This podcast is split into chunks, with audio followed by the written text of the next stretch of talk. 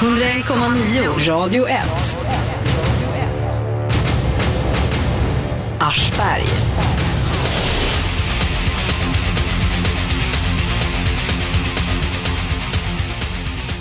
Jag sitter eh, på ett högsäkerhetsfängelse någonstans i Sverige.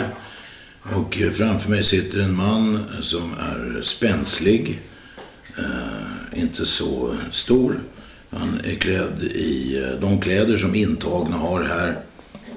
Eh, han har glasögon, eh, en bok som handlar om buddhistisk meditation och en gitarr vid sin sida. Bruna tofflor, grå byxor, vit skjorta, glasögon. Han är dömd för fyra fall av skadegörelse, ett övergrepp i rättssak, två grovt olaga hot, ett försök till grov misshandel, åtta mordförsök och två mord. Han heter Peter Mangs och vi sitter i en besökslägenhet på det här fängelset.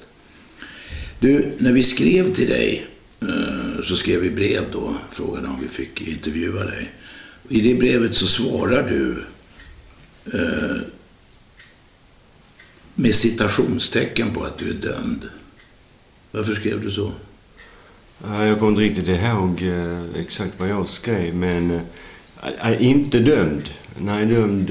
Jag kommer inte ihåg vad jag skrev. Nej, du hade citerat ordet dömd. Det är väl ingen tvivel om att du är dömd? Ja, det, ja, det, det är ju det är en språklig term, men jag ser det inte så. Utan jag har haft ett val att vill jag ta bort saker som har legat i min lägenhet, fyra, fyra saker, två pipor, en kassett och en nyckelknipa. Uh, vill jag ta bort det och gå fri eller vill jag att det ska vara kvar och riskera att, att jag hamnar i, inom kriminalvården? Vad menar du? Att du hade kunnat göra dig av med det som senare blev bevismaterial yeah. mot dig? Yeah. Men du menar att du gjorde ett medvetet val för att du ville åka fast, eller vad menar du? Nej, jag gjorde ett medvetet val att uh, lita på Jörgen och Henrik, att de höll vår överenskommelse. Och vilka var Jörgen och Henrik? Det var dina... Det var uh, kompisar till mig där och då. Ja. Och uh, för att det här... Jag har vantrivs med, med arbetsmarknaden. Och när måndagen kom, jag var gripen på en lördag, när måndagen kom så, så skulle jag upp på, på arbetsmarknadspolitiska åtgärder, eller det var ett arbetsrehabiliteringsjobb som jag hade. Och eh, som jag inte ville gå till och jag ville överhuvudtaget aldrig vara på arbetsmarknaden. Jag tyckte att det var en avstängning av mig som människa och eh, blott en mekanisk vistelse Mm. I det här brevet så skriver du också att du håller på med någon bok eh, och du vill skilja på det du kallar för det känsliga och det hårda. Vad menar du med det? Um, I samhället så trivdes jag inte och det blev, jag blev eh, dysforisk när jag inte hade min inspiration att spela och känna. Jag tyckte det var som jag sa en väldigt mekanisk uh, vistelse där. Och uh, här så graviterar jag mot det känsliga och kännandet och inkännandet. Som när jag äter min frukost, äh, äh, mjölk och flingor, så, eh, utan socker, så, eh, så interagerar jag med korna, vill jag, vill jag hävda. Jag känner det. För att det är sist och slutligen de som har producerat mjölken, så att jag är uppmärksam på det kännande och det metafysiska. Eh, Medan när jag var ute på arbetsmarknaden så var det mekaniskt och det handlade om att få fina prylar och, och ja, men här är det precis bara det in, inkännande. Du inser att det här låter flummigt? Eh, du påstår det. Jag... Ja, det låter så i mina öron. Ja, för dig ja. För ja. mig så är det så att jag är en eh, individ och det tar väldigt lång tid att förstå en individ. Och jag råkar vara så här. Jag har inte uppskattat att vara där ute. Och det börjar med att jag är som alla, man är barn och så så kan man vara här och nu och inkännande. Man leker mycket och sen ska man in i vuxenlivet. Och eh, in i vuxenlivet så började jag musikutbildning. Jag hade börjat spela musik dessförinnan. Sen började jag musikutbildningen på musiklinjen. Eh, och sen så eh, kände jag att det blev blott mekanik om existensen. Jag rörde mina fingrar men jag kände inte innehållet i musiken så som jag hade gjort tidigare. Och sen dess har det varit en kamp att försöka få någon slags innehåll i livet. För mig var det bara en mekanisk process. Har det här någonting med att göra det att du eh, också själv har talat om att du är diagnostiserad med Aspergers syndrom?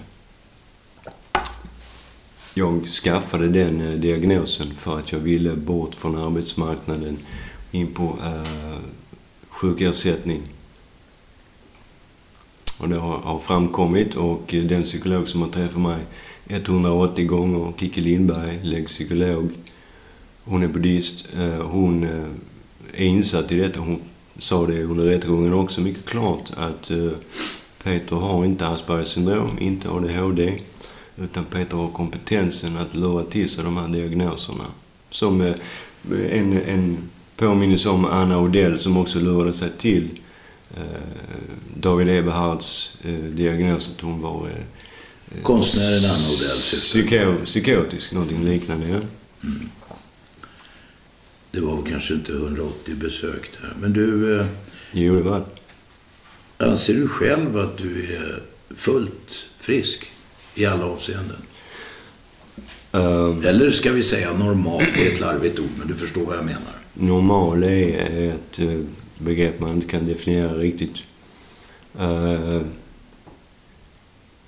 frisk, absolut. Absolut. Jag har agerat av fri vilja. Som jag sa till dig, baserat på uh, dokument som jag nämnde. Mm. Du, du har varit politiskt aktiv eh, i någon mening. va? Eh, du, någonstans hade du någon koppling till Vänsterpartiet en gång i tiden. Jag har varit med i Vänsterpartiet, ja. ja. Och det är det som är kopplingen till eh, det som Buddha lärde ut. Att eh, man kan se det så här, man kan också se det så där. Och han, han sa att han hade inga åsikter utan alla synsätt har ett värde. Och jag eh, värdesätter eh, människor på vänsterhållet för deras synsätt. Och jag har också uppskattat människor på högerhållet för deras synsätt. Jag har varit med i Vänsterpartiet och respekterar deras eh, uppfattning om saker och ting.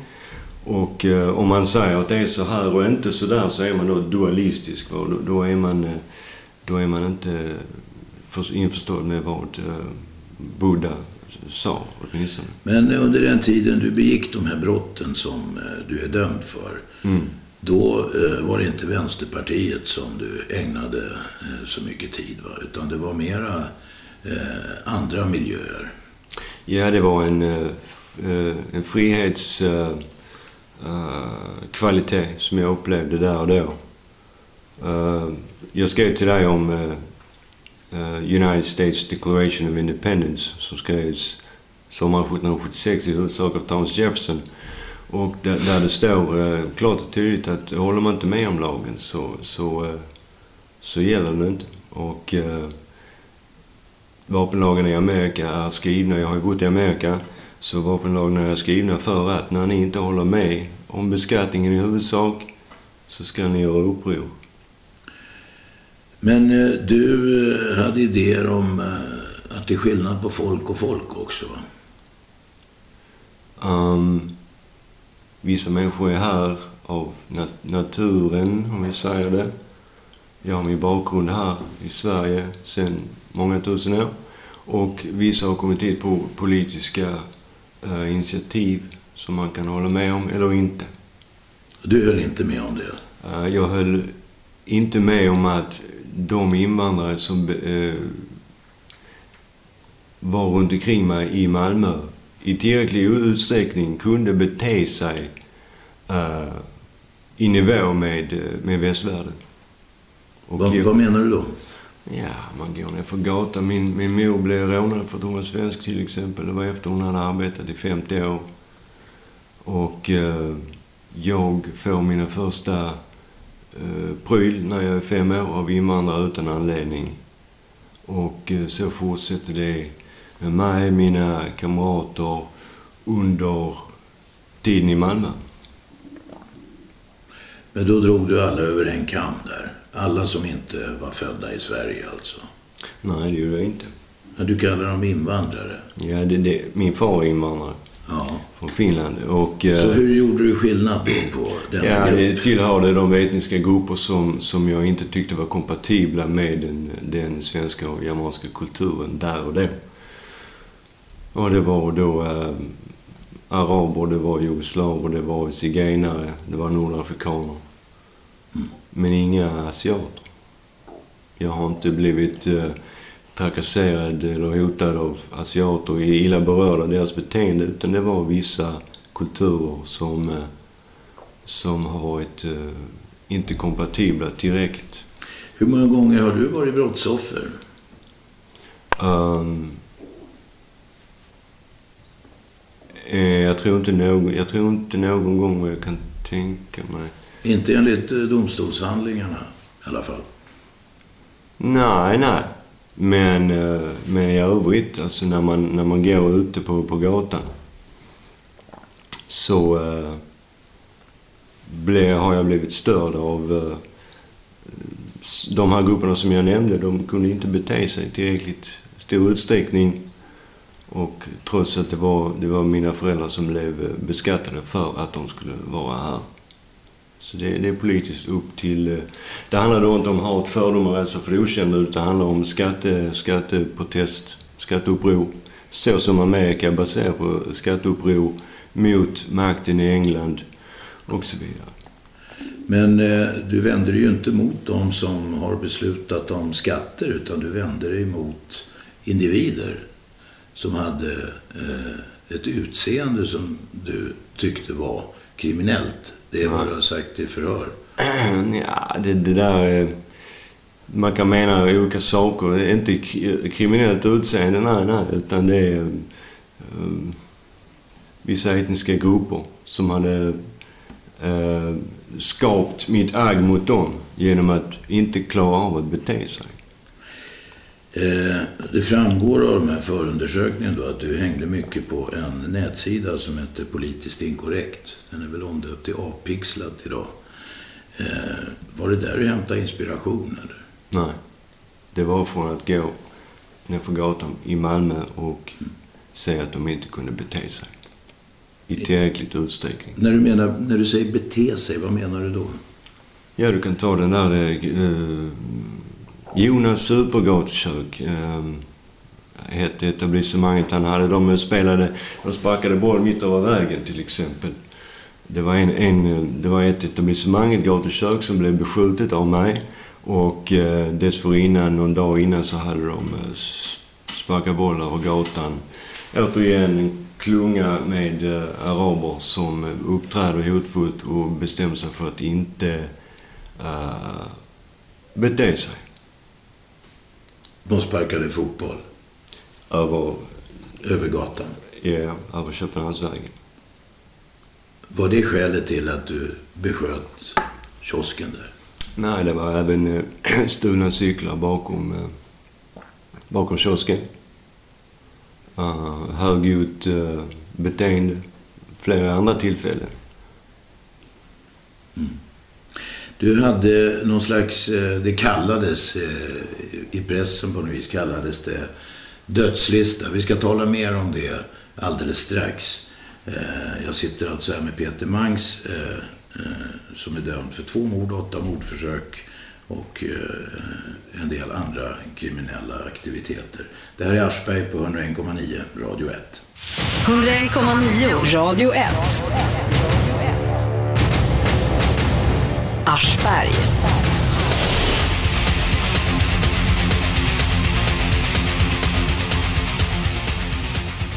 Jag sitter på ett fängelse, ett högsäkerhetsfängelse någonstans i Sverige och eh, talar med Peter Mangs, eh, serieskytten, seriemördaren. Vad kallades du mer? Uh, jag, jag kommer inte ihåg. Nej. Före pausen här så talade vi om eh, det som kallas en döds, dödslista som du hade hemma. Vad var det för någonting? Återigen, det är ju inte mitt namn va, utan det är någon som har dragit det någonstans ifrån. Jag vet inte vad det, vad det gäller. Ja, det var kartläggning av folk och eh, sånt. Det här har jag tagit ur Ja, det bara, det bara ut, utklipp, och information, det är utklipp uh, från internet. Så det är bara information. Det är någon annan som kallar det dödslista. Det är, en, det är en, en, någon som vill uh, term, terminologisera det här. Mm. En journalist eller liknande. Eller, eller... Vad var det för dig då? Det var så många listor förstår du, så att uh, det var bara... Uh, det var nog en samling. Jag tror, jag tror du har varit med, med där på, den, på en av de listorna. Alltså, har jag varit med på Ja, jag tror det. Bara, jag klippte ut. Med tanke på de handlingar du gjorde så ser jag väl snarast det som en fjäder i hatten. Ja, men återigen, det var bara information. Det fanns mycket information här. Okej, okay, och varför hade du samlat information om mig och eller andra? I det fallet var det nog, vad jag kommer ihåg, ett utklipp av eh, Radio Islams kartläggning av judar. Ja, just det. Eller med judisk bakgrund. Du gillar inte judar eller något vidare? Det har jag inte sagt. Nej, jag ställde det som en fråga. Um, återigen, jag har sett eh, beteenden som är kompatibla eller och inte kompatibla. Och man, återigen så, så, så, kan man se det så här, man kan se det så där. Så att jag, eh, låt mig säga som så här, jag eh, studerar väldigt mycket i huvudsak judisk musik för jag har eh, förstått eh, att eh, de bästa låtarna är skrivna av judar i väldigt stor utsträckning. Till exempel White Christmas, Putting on the Ritz, Over the Rainbow, uh, Killing Me Softly och Jailhouse Rock. Men tror du det har något med etnicitet att göra? uh, till exempel, nej inte etnicitet utan judarnas intelligens är högst av alla med klar marginal. Och en, deras kompetens är mycket hög. Nej, nej, ja okej. Okay. Men eh, dess deras kompetens är så hög så att jag, jag har eh, uh, beundrat eh, den kompetensen i musik. Men jag har också sett att den, den intelligensen inne i, i media eller i banksystemet har, har varit väldigt etnocentrerad. Och eh, lurendrejeri. Ja. Så jag säger till dig, de här båda faktorerna som jag hittar. Vad var skälet till att du hade samlat på dig de här eh, uppgifterna och informationen? Det fanns ju även adresser och sådana där saker till en del människor. Um, intresse av att veta var folk bor. Till exempel om jag säger så här. Uh, var, var bor Ilmar Reepalu? Eh, och var bor hans son? Och till exempel den här eh, svenska apejäveln som han kallades. Ja, det var en av de två som blev eh, dömda för Rosengårdskravallerna. Var bor han? Han bor på Potatisåkern, vilket är den finaste adressen i Malmö.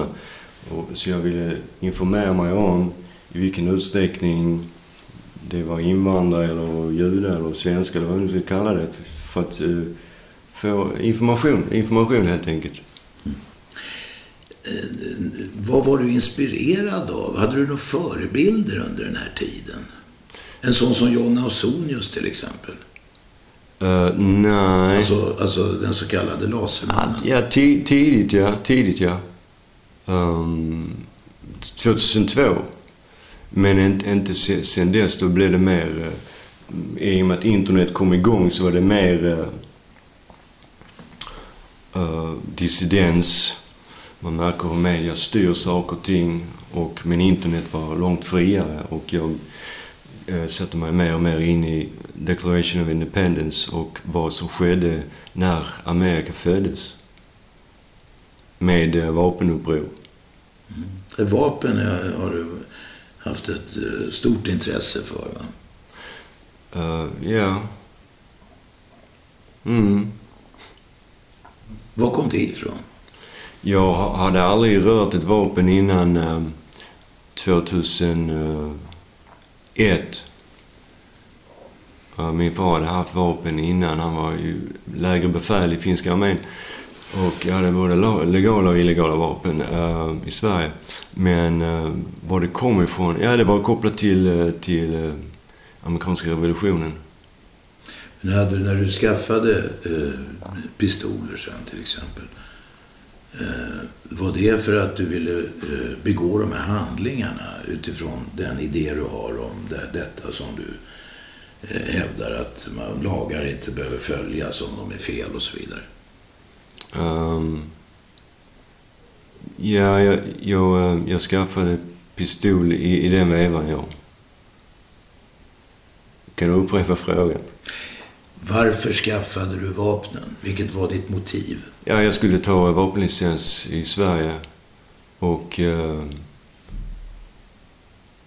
jag kommer inte ihåg den. den eh, Nej, jag kan ju ställa frågan på ett annat sätt. Hade du en tanke på att utföra de här morden när du skaffade vapnen? inte vapnen, men extra piporna, ja. För att man kan byta, byta ut de här grejerna. För att undgå upptäckt då? Ja. Ja. Eh, vad tycker du om en sån som Anders Bering Breivik? Jag noterar att eh, om alla människor håller med om allting så blir det ju, blir det ju väldigt mekaniskt och omänskligt. Det blir en slags kommunism. Man kan inte påverka någonting eh, just genom att rösta på de här partierna som säger samma sak. Och eh, förr eller senare så blir det uppror. Det står i frihetsförklaringen och så är det också. Och det finns en fara i också att centralisera makten kring Uh, som ni vet Hitler, Stalin och, och Mao. Och självfallet så finns det ett system här som kan vara bara en illusion. Det finns uh, demokrati, det heter demokrati, det är fint. Men frågan är om man kan påverka någonting i demokrati och frågan är eh, om, om det duger till. Jag märkte att det fanns krafter starkare än demokratin som drev fram det här med eh, mångkultur som man inte kan säga nej till. Om man säger nej så är det någon som drar fram en moralslägga i det hela. Jag, eh, och jag studerade var de människorna bodde och de bodde väldigt långt ifrån Rosengård. Där jag, eh, ja, jag bodde ju på Lindängen och där jag gick ner på gatan så kunde invandrarna där inte bete sig. Men de som sålde in mångkulturen, de hade en blommig version av mångkulturen på grund av att de inte bodde i närheten av de problemen. Du, när vi nu är inne på politik, eh, ska vi tala lite mer om det alldeles strax. Det här är eh, Aschberg.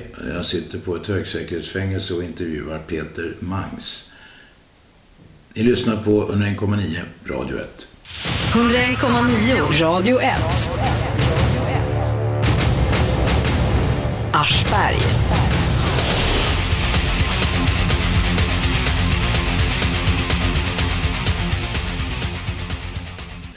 Peter Mangs sitter mitt emot mig och vi har börjat prata om eh, politik här. Vi talade om dina förebilder och vi talade om Breivik. Du tyckte att han gjorde ett uppror. Är det ett uppror att skjuta en väldig massa barn? Jag eh, var inte in, jag är inte insatt i vad han har gjort för jag har nekat eh, TV, radio och dagstidningar. Så att eh, jag är inte jag är väldigt illa insatt vem han är. Men jag, jag vet i, i stort vem han är. Det finns inga andra, andra sätt. Om, om, man nu, om man nu frångår demokratin så, så finns det få sätt att, eh, som du vet, människan har våldet i sig. Det blir våld med jämna mellanrum när människor inte längre håller med. Men du, eh, har du själv eh, försökt påverka någonting i samhället? Du säger att det går inte att påverka någonting. Eh, Min adress, jag tog ett stort lån på en lägenhet så jag kunde flytta ifrån de som inte kunde bete sig. Och på tal om de där adresserna som jag hade kartlagt, jag ville se som jag sa tidigare, var bor dessa förespråkare för mångkulturen och var bor, var bor de? I huvudsak information så här. Då skulle du ha informationen till då? Ingenting. Ingenting. Kunskap. Fast du använde informationen om några av dina offer va? I, i Malmö, ja. Men inte, inte, inte i ditt fall. Jag skulle bara säga... Jag, jag har va- vaga minnesbilder av var de olika personerna bor. Leif Pagrotsky, nej, nej inte Pagrotsky, utan eh, Saneki. Saneki och den här Ulf, eh, gärningsmannaprofil Ulf, va? jag glömmer alltid hans efternamn. Och typ av Leif GW Persson och så vidare. Jag ville bara se. Det var information. Du, har du röstat någon gång? Eh, Ja. Vad röstade du på då? Jag tror det var eh, Sverigedemokraterna i kommun och eh, Nationaldemokraterna i riksdag. Vad ska du rösta på nästa år? Ingenting. Varför inte det? För att, som jag sa, jag är inte delaktig. Uh, återigen till Declaration of Independence. Uh, Thomas Jefferson föddes engelsman, han dog som amerikan. Jag föddes svensk, men jag uh, väljer att uh, inte definiera mig som det. Hur definierar du dig? Ingen behov för en definition. Just. De är i en, i en annan eh, bild. eh, Buddha föddes ju som prins, skulle vara, bli kung i Sakya-släkten över deras rike, men han valde att äga två saker, en munkrock och en tiggarskål. Är det den linjen du är inne på nu alltså? Nu, ja. Och det var det som var efter 20 år på, ja, på arbetsmarknaden, eller i försöket tar man in på arbetsmarknaden, så, så tycker jag att detta är bra mycket bättre. Så när du säger fängelse så känner inte jag igen mig. Och heller, det här är inte vakt och det här är kriminalvårdspersonal. Och vi har ett eh, trevligt eh, utbyte. Jag är trevlig mot dem och de har vårdinställning mot mig och jag respekterar deras eh, yrkesliv och val och uh, ja, det, det är bra här. Ja, det sitter två, kriminalvårds, två kriminalvårdare i lokalen här för du får inte ta emot obevakade besök. Eh, Men eh, varför, varför röstade du då på Sverigedemokraterna och Nationaldemokraterna? Jag bara kastade in en röst av, av protest kan man säga. För att, ja det var bara det, rent slentrianmässigt. Du eh, säger i en del förhör och sånt och sa i förundersökningen sen att du eh, ville straffa kriminella. Eh, hur logiskt är det att begå grova kriminella handlingar själv? Återigen, de kriminella levde på skattepengar. Och eh, det gjorde det har jag också gjort. Alltså det här är, det här är ju... När man inte håller med om lagen så, så kan man inte definiera språket som du gör att det är så här och inte så där. Utan då, då, då, kan vi inte hålla med om språket ens. Så att... Eh, eh, ja. Språket eh, fungerar. Man måste komma överens om hur, hur språket ska definieras. Utan lagen blir det som du definierar den. Ja, precis. Man kan ju inte erkänna makten och därmed så är makten eh, nullified, alltså omintetgjord. Gäller inte. Olaglig. I ett förhör så säger du att eh, du tycker att det är obehagligt att vistas i den miljö som samhället erbjuder. Mm. Vad är det som är obehagligt? I mitt fall så är jag eh, synnerligen känslig och eh, eh, har tyckt att in, in på arbetsmarknaden, arbetsmarknaden så var det mekaniskt och jag sitter hellre och spelar min gitarr. På skattebetalarnas bekostnad. Ja, det är ett val. För att eh, alternativet var eh, ett mycket sämre liv. Och är det så att människor vill betala eller underkasta sig den, den betalningen så har jag, har jag valt eh, att då får de betala för mig. För att återigen, håller man inte med så, så, så kan vi inte hålla med om vad, vad friheten är och vad fängelset är. Det här är inget fängelse för mig. Nej, du trivs här helt enkelt. Ja, samtidigt eh, vill jag inte bagatellisera människors lidande som jag har förorsakat. Utan eh, det är en... eh, Det är... eh, Så är livet. Människor håller inte alltid med. Man kan underkasta sig, så får man vissa saker. Men jag tyckte inte att det gav mig tillräckligt mycket. Eh, du sa att du inte vill bagatellisera det lidande du har orsakat. Betyder det att du är ångerfull i några fall? De här morden, mordförsöken och så vidare. Jag tittar inte tillbaks, jag tittar inte framåt, jag lever här och nu. Det där är ett eh, för dig föreslaget begrepp det här med ånger. Och eh, det är ju baserat på ett förtryck i sig. Att, att eh, min far som var kraftigt eh, negativ mot, mot eh, skattetrycket i Sverige och att man ska ta in människor som, som inte kan upprätthålla eh, lika fungerande samhällen. Och, eh, så det är ju ett förtryck, annat förtryck. Det är ett annat lidande. Och det, eh, det man säger så här, man kan rädda så många människor ombord på en livbåt så att den sjunker. Och, och, eh, eller så kan man rädda så många så att den håller sig flytande och få någon fatta något tungt och hårt beslut att nu, nu kan vi inte rädda fler. Och världen är överbefolkad. Och det, det, finns eh, många tolkningar, det finns ingen som har rätt. Utan där och då så var den situationen så att jag gjorde vad jag gjorde. Och eh, tog, det, tog det priset så att säga. Och, är du stolt över det du gjorde? Nej, jag tittar inte tillbaks. Men du vill ändå förklara varför du gjorde så? De här handlingarna? Där och då så var det en väldig eh, livskvalitet. Det finns eh, väldiga livskvaliteter i att inte följa lagen. Det är en frihet, det är en entreprenörsanda och eh, det är en makt över sig själv. Och eh, jag har ju varit uppfostrad svensk så att när invandrare var bråkiga så kom de från kulturer som var långt mer patriarkala så de var mer eh, snabba till eh, aggressivitet och de skrämde svenskarna så att säga. För att svenskarna har ju inte varit i krig så jätte, jättelänge. Men eh, jag lärde mig att inte vara rädd och jag... Det är ju en livskvalitet och det var en egenmakt. När du hade gripits så berättade du en del, samarbetade med de som höll förhör med dig inledningsvis och sen så blev du tystare och tystare. Yeah. Varför det? Vi behandlar inte språket på samma sätt. Deras uh, uh, yrkesliv var så pass tråkiga och mekaniska så att jag började sjunga istället.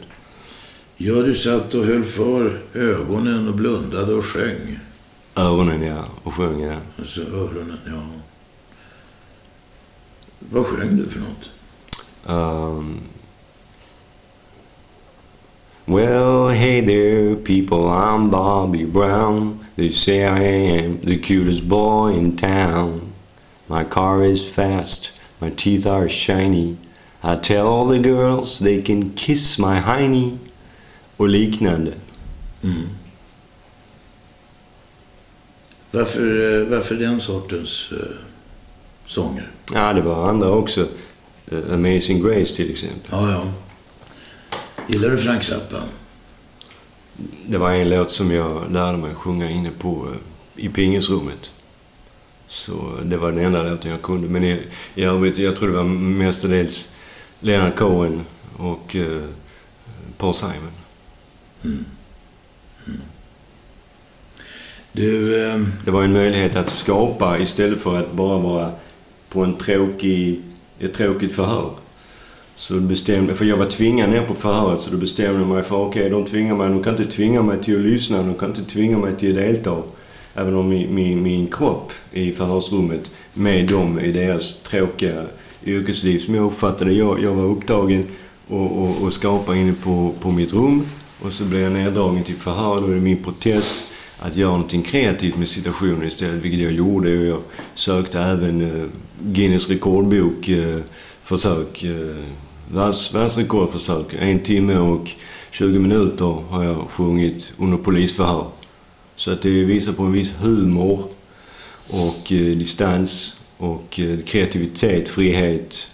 De här sakerna som, som jag har nämnt tidigare. Du, i Skånska Dagbladet såg jag ett klipp refererar en terapeut som du eh, gått hos. Som eh, ser dig som två personer. En med en uppblåst pompös bild av sig själv. Och en undertryckt, klen och liten människa. Normalt är i psykologiskt fall att de, de måste ha problem hos folk, annars kan de inte hjälpa folk.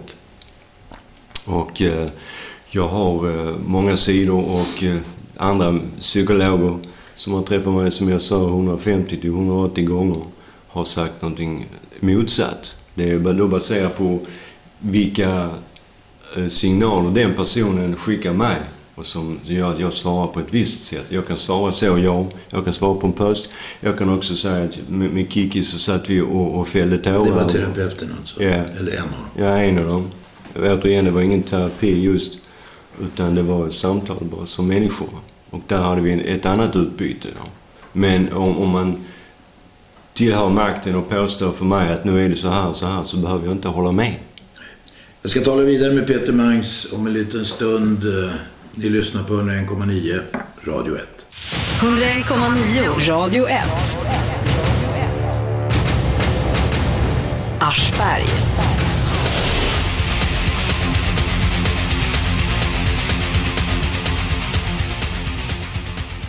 Vi talade om hur du ser på dig själv alldeles nyss. Är du på något vis smartare än andra människor i gemen? Nej. Men du tog dig rätten att straffa eller skada, mörda andra människor. Hur resonerade du när du tycker att du kunde ta dig rätten att göra det? Du har sagt att det var för, av skatteskäl och hänvisat till Thomas Jefferson och så. Men det ändrade, det kunde man ju räkna ut hur som helst att det ändrar ingenting i det avseendet. Uh, så, så, frågan är hur jag kunde... Hur du resonerade när du mm. valde dina offer i, i tron att det skulle inte... förändra samhället på något sätt. Nej, det sa jag inte. Jag, jag, jag ville inte följa lagen. Jag ville eh, återupprätta det, det lidande som de har utsatt mig för och mina kamrater som alla vet hur de ska prata fina ord om Månkotoris är jättebra så flyttar de till trygga Höllviken, Svedala, här och Falsterbo. Jag eh, ville göra uppror där och då. Jag hade mycket, som jag sa, frustration från att arbetat, eh, eller vistas på arbetsmarknaden och jag tyckte det var eh, frustrerande. Så jag var en frustrerad människa när jag var insatt i från början och detta var mitt val. Och sen var det, försökte jag få det att fungera i samhället, att det skulle vara meningsfullt för mig. Men när det inte blev det så valde jag att låta allting eh, falla där det föll. Det har spekulerats i att du eh, ville bli berömd för det du gjorde. Det stämmer inte. Det finns eh, eh, aspekter av att sitta här med ett namn. Eh, människor kommer hit, pratar med mig eh, och eh, så beröm, nej, det, det är i så fall en feltolkning. Det finns, det finns aspekter i det, det, det kändisskap som jag har, eller ökändisskap hur man nu ska uttrycka det. Finns aspekter. Du är väl mera ökänd Precis. än känd, va? Mm. Men återigen, det är, det är en mediesituation som, som benämner det ena som, som, som ökänd och andra människor har andra åsikter. Media är en separat uh, uh, organism liksom, som har ett, en agenda. Vad är det för agenda? Ja, att, att uh, definiera hur det är. Det går inte egentligen att definiera hur det är, utan det finns aspekter i alla synsätt. Och, men eh, eh, håller man inte med om lagen så är man ju eh, upprorisk. Och till skillnad från att vara brottsling, då, då, håller man med om lagen men man, man följer inte den. Men så du menar att det är inte brott som du är dömd för, eller hur menar Nej, du? Jag, menar att man behöver inte erkänna lagen. Och det är det som Declaration of Independence handlar om. Där står “Consent of the governed”. Menar du att det var moraliskt rättfärdigt, att det, det du gjorde var moraliskt rättfärdigt? Nej, eller hur menar nej, det har jag inte sagt. Jag har sagt att uh, människan gör uppror med jämna mellanrum. Och, eh, ju mer makten centraliserar och om vi säger partierna är likriktade och överstatligheten tar över, även om det kallas demokrati, så, så behöver det inte vara funktionsdugligt. Och eh, jag eh, vill inte följa lagen. Vilken makt hade de två människor som du mördade? Ingen. Ja, det finns ju... Det är ju... Frustrationen skulle ut ur mitt system. De hade ingen makt alltså? Nej, de det var inte ingen... makten du gjorde uppror mot? Nej, KOS hade ju pengar va. Och så... eh, Det var ju, om vi säger, det kan, man kan säga det som en makt. Men jag skulle ha hans pengar för jag ansåg att de var mina. Att jag ansåg att det var mina föräldrar som hade... eh, Ja, för efter att du Tankat mördat honom så gick du och tog ut pengar i bankomaten. ja, sen kom jag tillbaks. Och Therese West Persson? Det var snarare... eh, ja, man måste ju hålla det igång så att säga, det upproriska. Annars, som jag sa, så, så har man inte nerven. Så att eh, det var, det var Safar som, eh, som var målet, men det var hon som avled. Och det var mitt val. Ja, det var ditt val. Var det någonting du hade resonerat om eller är det här en efterhandskonstruktion? Nej, det här det, det kan ju ske när hon sitter där så, så ser jag att hon är med honom okej och då, då eh, finns det risk att hon åker med och då, då var det mitt val att så, så, skedde. Hade du velat bli stoppad tidigare? Eh, nej. Jag, jag förstår den uppgiften har förekommit någonstans men eh, det är andras tolkningar av, situationen. Och eh, jag är väldigt svår att förstå i och med att jag inte är klart definierbar som jag sa till dig. Jag kan se det så här och jag kan se det så där också. Jag har spelat afrikansk musik och jag har arbetat som vårdare. Inga problem. Men sen har, jag visats inom områden där, där jag har varit mindre begåvad. Så jag vill säga det igen, igen att jag identifierar att jag är inte allra bäst av alla, inte alls. Utan jag har mm, god kompetens inom vissa områden och vissa områden eh, har jag brister. Eh, Och, och det handlar om min läggning. Jag är inte speciellt social eller team player eller så här spindeln i nätet och så. Det var där jag inte var duktig helt enkelt. Tror du att det finns flera eh, människor i samhället som eh, skulle kunna upprepa det du gjorde, mer eller mindre?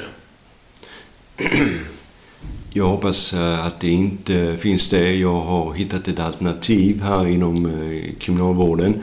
Ett alternativ som är, är relaterat till att det är det enda stället som jag hittade i Sverige där jag kunde, eh, där jag kunde leva utan att måste likriktas in på arbetsmarknaden och, och utbildningssystemet. Man ska upprepa vad man har hört.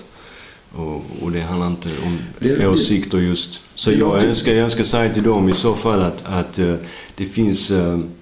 Eh, man behöver inte definiera sig som svensk och, vara stridisk även om man inte håller med makten. Man kan frångå den definitionen och så kan man, vad jag gör, försöka stilla mitt sinne och lyckas bra med det. Och jag försöker skapa, jag lyckas bra med det. Det ger väldigt mycket. Vi spelar tillsammans, jag och personalen. Och eh, det finns... Eh, det var ju definitionen som var given till mig av staten. Om vi säger att de sa jag var svensk och ska värna om Sverige. Så alltså var jag dissident efter jag kom hem från Amerika. Och eh, det var makten jag inte erkände. Och, eh, men man kan transcendera, man kan lämna den identiteten och bara stilla sinnet. Och eh, ja, det, det är en hel... Hela, hela, hela dygnet runt så, så går all, all tid går åt till det. Det öppnades en dörr här. Vi ska se vad det är. Men eh, vi tar en kort paus. Det här är Aschberg på 101,9 Radio 1. 101,9 Radio 1. Aschberg.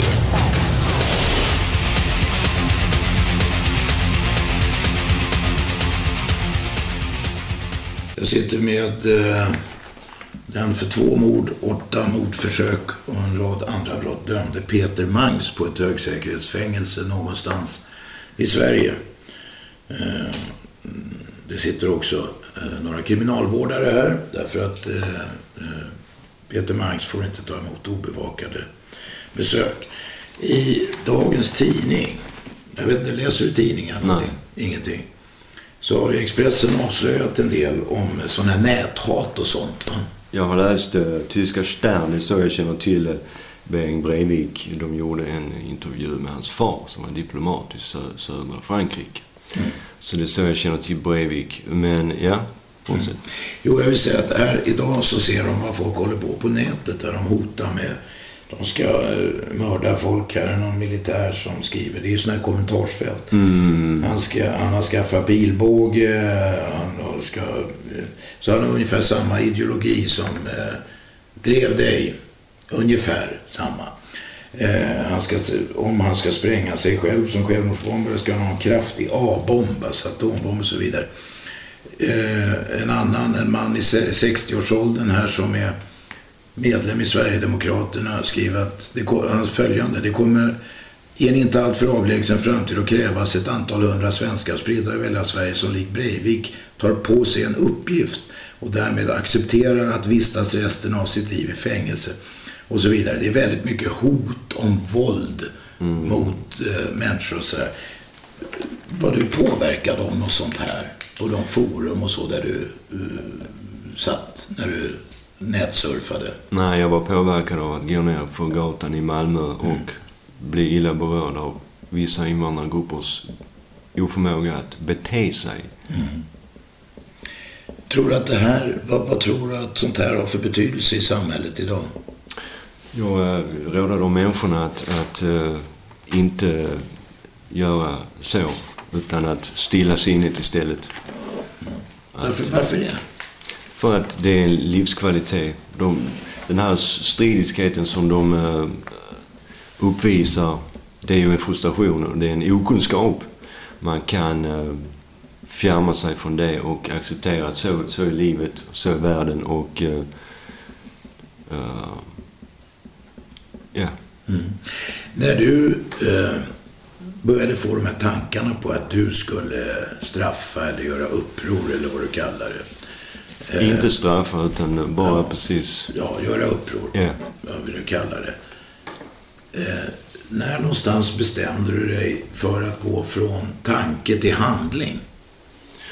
Vad var det eh, som fick dig att tippa över så att jag, jag kom eh, hem till Sverige från Amerika och det var tre Rosengårds individer som skulle stjäla en bil nere i, i Gånglöshögens garage. Och där tänkte jag att de skulle jag vilja döda. Eh, och sen började jag fundera på hur, hur man gör så och hur man slipper undan med det. Och eh, det blev ett intresse det här med teknikaliteten. Liksom om, var det en kamera 10 meter bak eller var det inte en? Var det en, en granne? Eller var det inte en? Och hur kan jag undvika det ena eller andra? Hur ska jag maskera mig så att ingen känner igen att det är jag, till exempel. Mm. Sen tränade du då på, för du var rädd att bli nervös va? Nej, jag var inte rädd utan det, var ju, det är ju dysfunktionellt att vara nervös. Man missar skott och man eh, mår inte bra. Utan jag, jag eh, tränade lugnet så jag kunde skrida till verket. Hur tränade du det? Genom att gradvis eh, bygga upp det. Jag började med att repa bilar som, som tillhörde uh, eh, invandrare och jag såg att de hade uh, tagit lån på banken och fått köra omkring den här bilen som de inte ägde. De kunde inte äga den. De skulle visa upp vad de inte hade i och för sig. Men utan ge skenet att de hade råd att köpa den här bilen. Och det tyckte jag var en, en, en dålig miljö att det ska tävlas. Det fanns liksom ingen samhörighet med, i samhället där jag bodde, i Lindängen. Utan de skulle visa upp att, att de hade råd att köpa en, en, en tysk bil. Eh, men det var banken som, som eh, ägde den. Och, eh, och så jag byggde upp genom att repa bilar. Det var där jag började. Så kom det adrenalin på slag och så, men så lärde jag mig att eskalera luftpistol, um, laddad, oladdad, pistol, oladdad, sen laddad. Bygga upp det gradvis. Du hade någon slags väst också där du hade med dig kniv och plats för vapnen och Det var sista månaderna ja, som jag köpte den, sista året. Hur ska samhället agera för att stoppa eh, sådana som dig? Um, inte komma fram till att vissa partier är mindre demokratiska än andra utan att acceptera att vissa människor tycker si, vissa människor tycker så, vissa människor vill ha mångkultur, vissa vill inte ha det. Och eh, samhället, sist och slutligen så, så förgår ju alla samhällen. De upplöses i revolution som övergår i någonting annat. Så det här är ju en, en process utan slut. Men vad menar du med att acceptera de som inte vill ha mångkultur? Vad är det samhället ska göra då? Ja, det här näthatet som du visar upp, det, är ju, det, är ju, det kommer fram där som en frustrerade människor som inte i övriga vardagslivet får lov att äh, få, äh, eh, få säga vad de vill. De får inte eh, den frid som de vill ha. Att gå ner för gatan utan att bli äh, trakasserad för att man är svensk. Det det som ligger bakom det där hatet. De får väl säga vad de vill.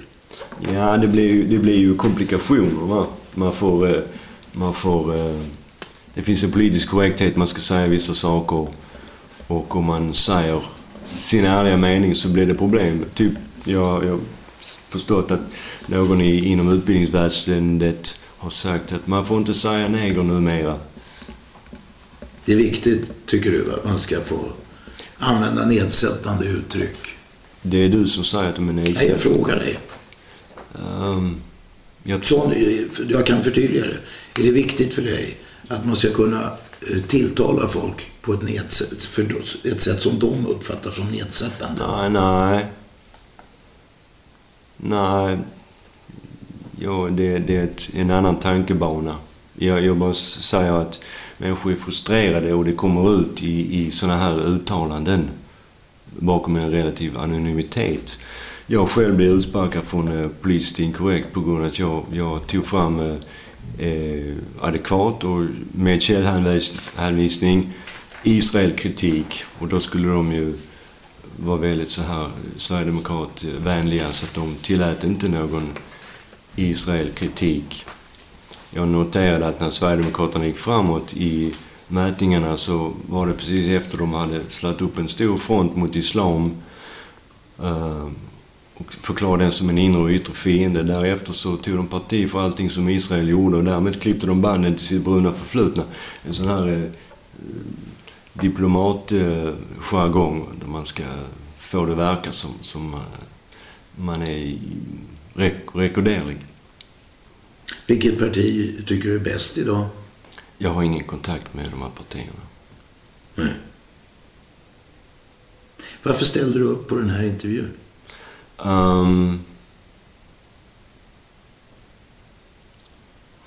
flera skäl. eh, Lite variation. Jag har inte varit i den här eh, lokalen för. Och sen eh, så har jag eh, haft eh, positiva eh, erfarenheter och besök tidigare. Så det är variation. Och, eh, det, och, jag tackar dig för att jag, jag får lov att, att, att tala eh, i, i ditt medium. Eh, och så det har ju med det att göra. Du har väl inte lyssnat på mitt program? Men rätt många saker av det du säger, det är sånt som en del av de som ringer in säger exakt samma sak. Mhm. Det slår mig faktiskt. Hur menar du då? Jo, precis samma resonemang. I flera fall. Eh, De varierar ju. Folk har ju väldigt olika åsikter och det är ju en del eh, poäng med detta, detta program. Hur länge eh, kommer du, tror du, att sitta så här? Jag lever här och nu. Och det... Eh, jag har inga tankar på att vara där ute. Jag är fullt upptagen. Mm.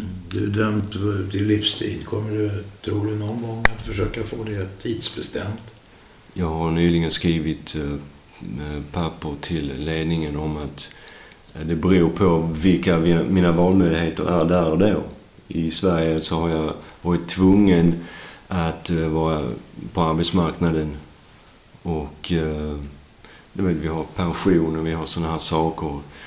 Eller om jag kan försörja mig själv. Om jag kan försörja mig själv och ha någon, någon meningsfull uppgift så, så kan det vara aktuellt, ja. Men i övrigt så är det mest sannolika att jag dör när jag är 72 av prostatacancer. För det fick min far. Mm. Är det något annat som du tycker är väsentligt? Något som vi, eh, du tycker att jag har missat att tala om? Nej, jag, jag bara tycker att det är bra här och eh, det, det, är det bästa för mig eh, i Sverige hittills. Och jag hoppas göra mycket mer med min verksamhet här. Jag har eh, skapandet igång och inspirationen och eh, lugnet. Och eh, vi spelar. Vi har eh, planer att eh, skapa eh, skapa mig, skapa mig ur den här situationen. Skapa vad då? Ja, om jag skriver en bok, om den eh, blir läst och någon kommer hit och så kan man bygga upp kontakter och, och i någon annan riktning. Och då har, har man att göra med meditation och transcendens i huvudsak som jag försöker eh, nå utöka kunskap i. Men även musik. Jag har även musikkontakter. Så Buddhist, det. Buddhistisk meditation har du någon? Är det någon slags lärobok eller? Ja, det, jag har läst väldigt många böcker och eh, det är en som jag, jag lär mig och jag finner stor eh, mening i att leva så. Mm. Du lär få gott om tid att ja. ägna dig åt det. Det är mitt val. Då avslutar vi intervjun. 101,9 Radio 1. Aschberg.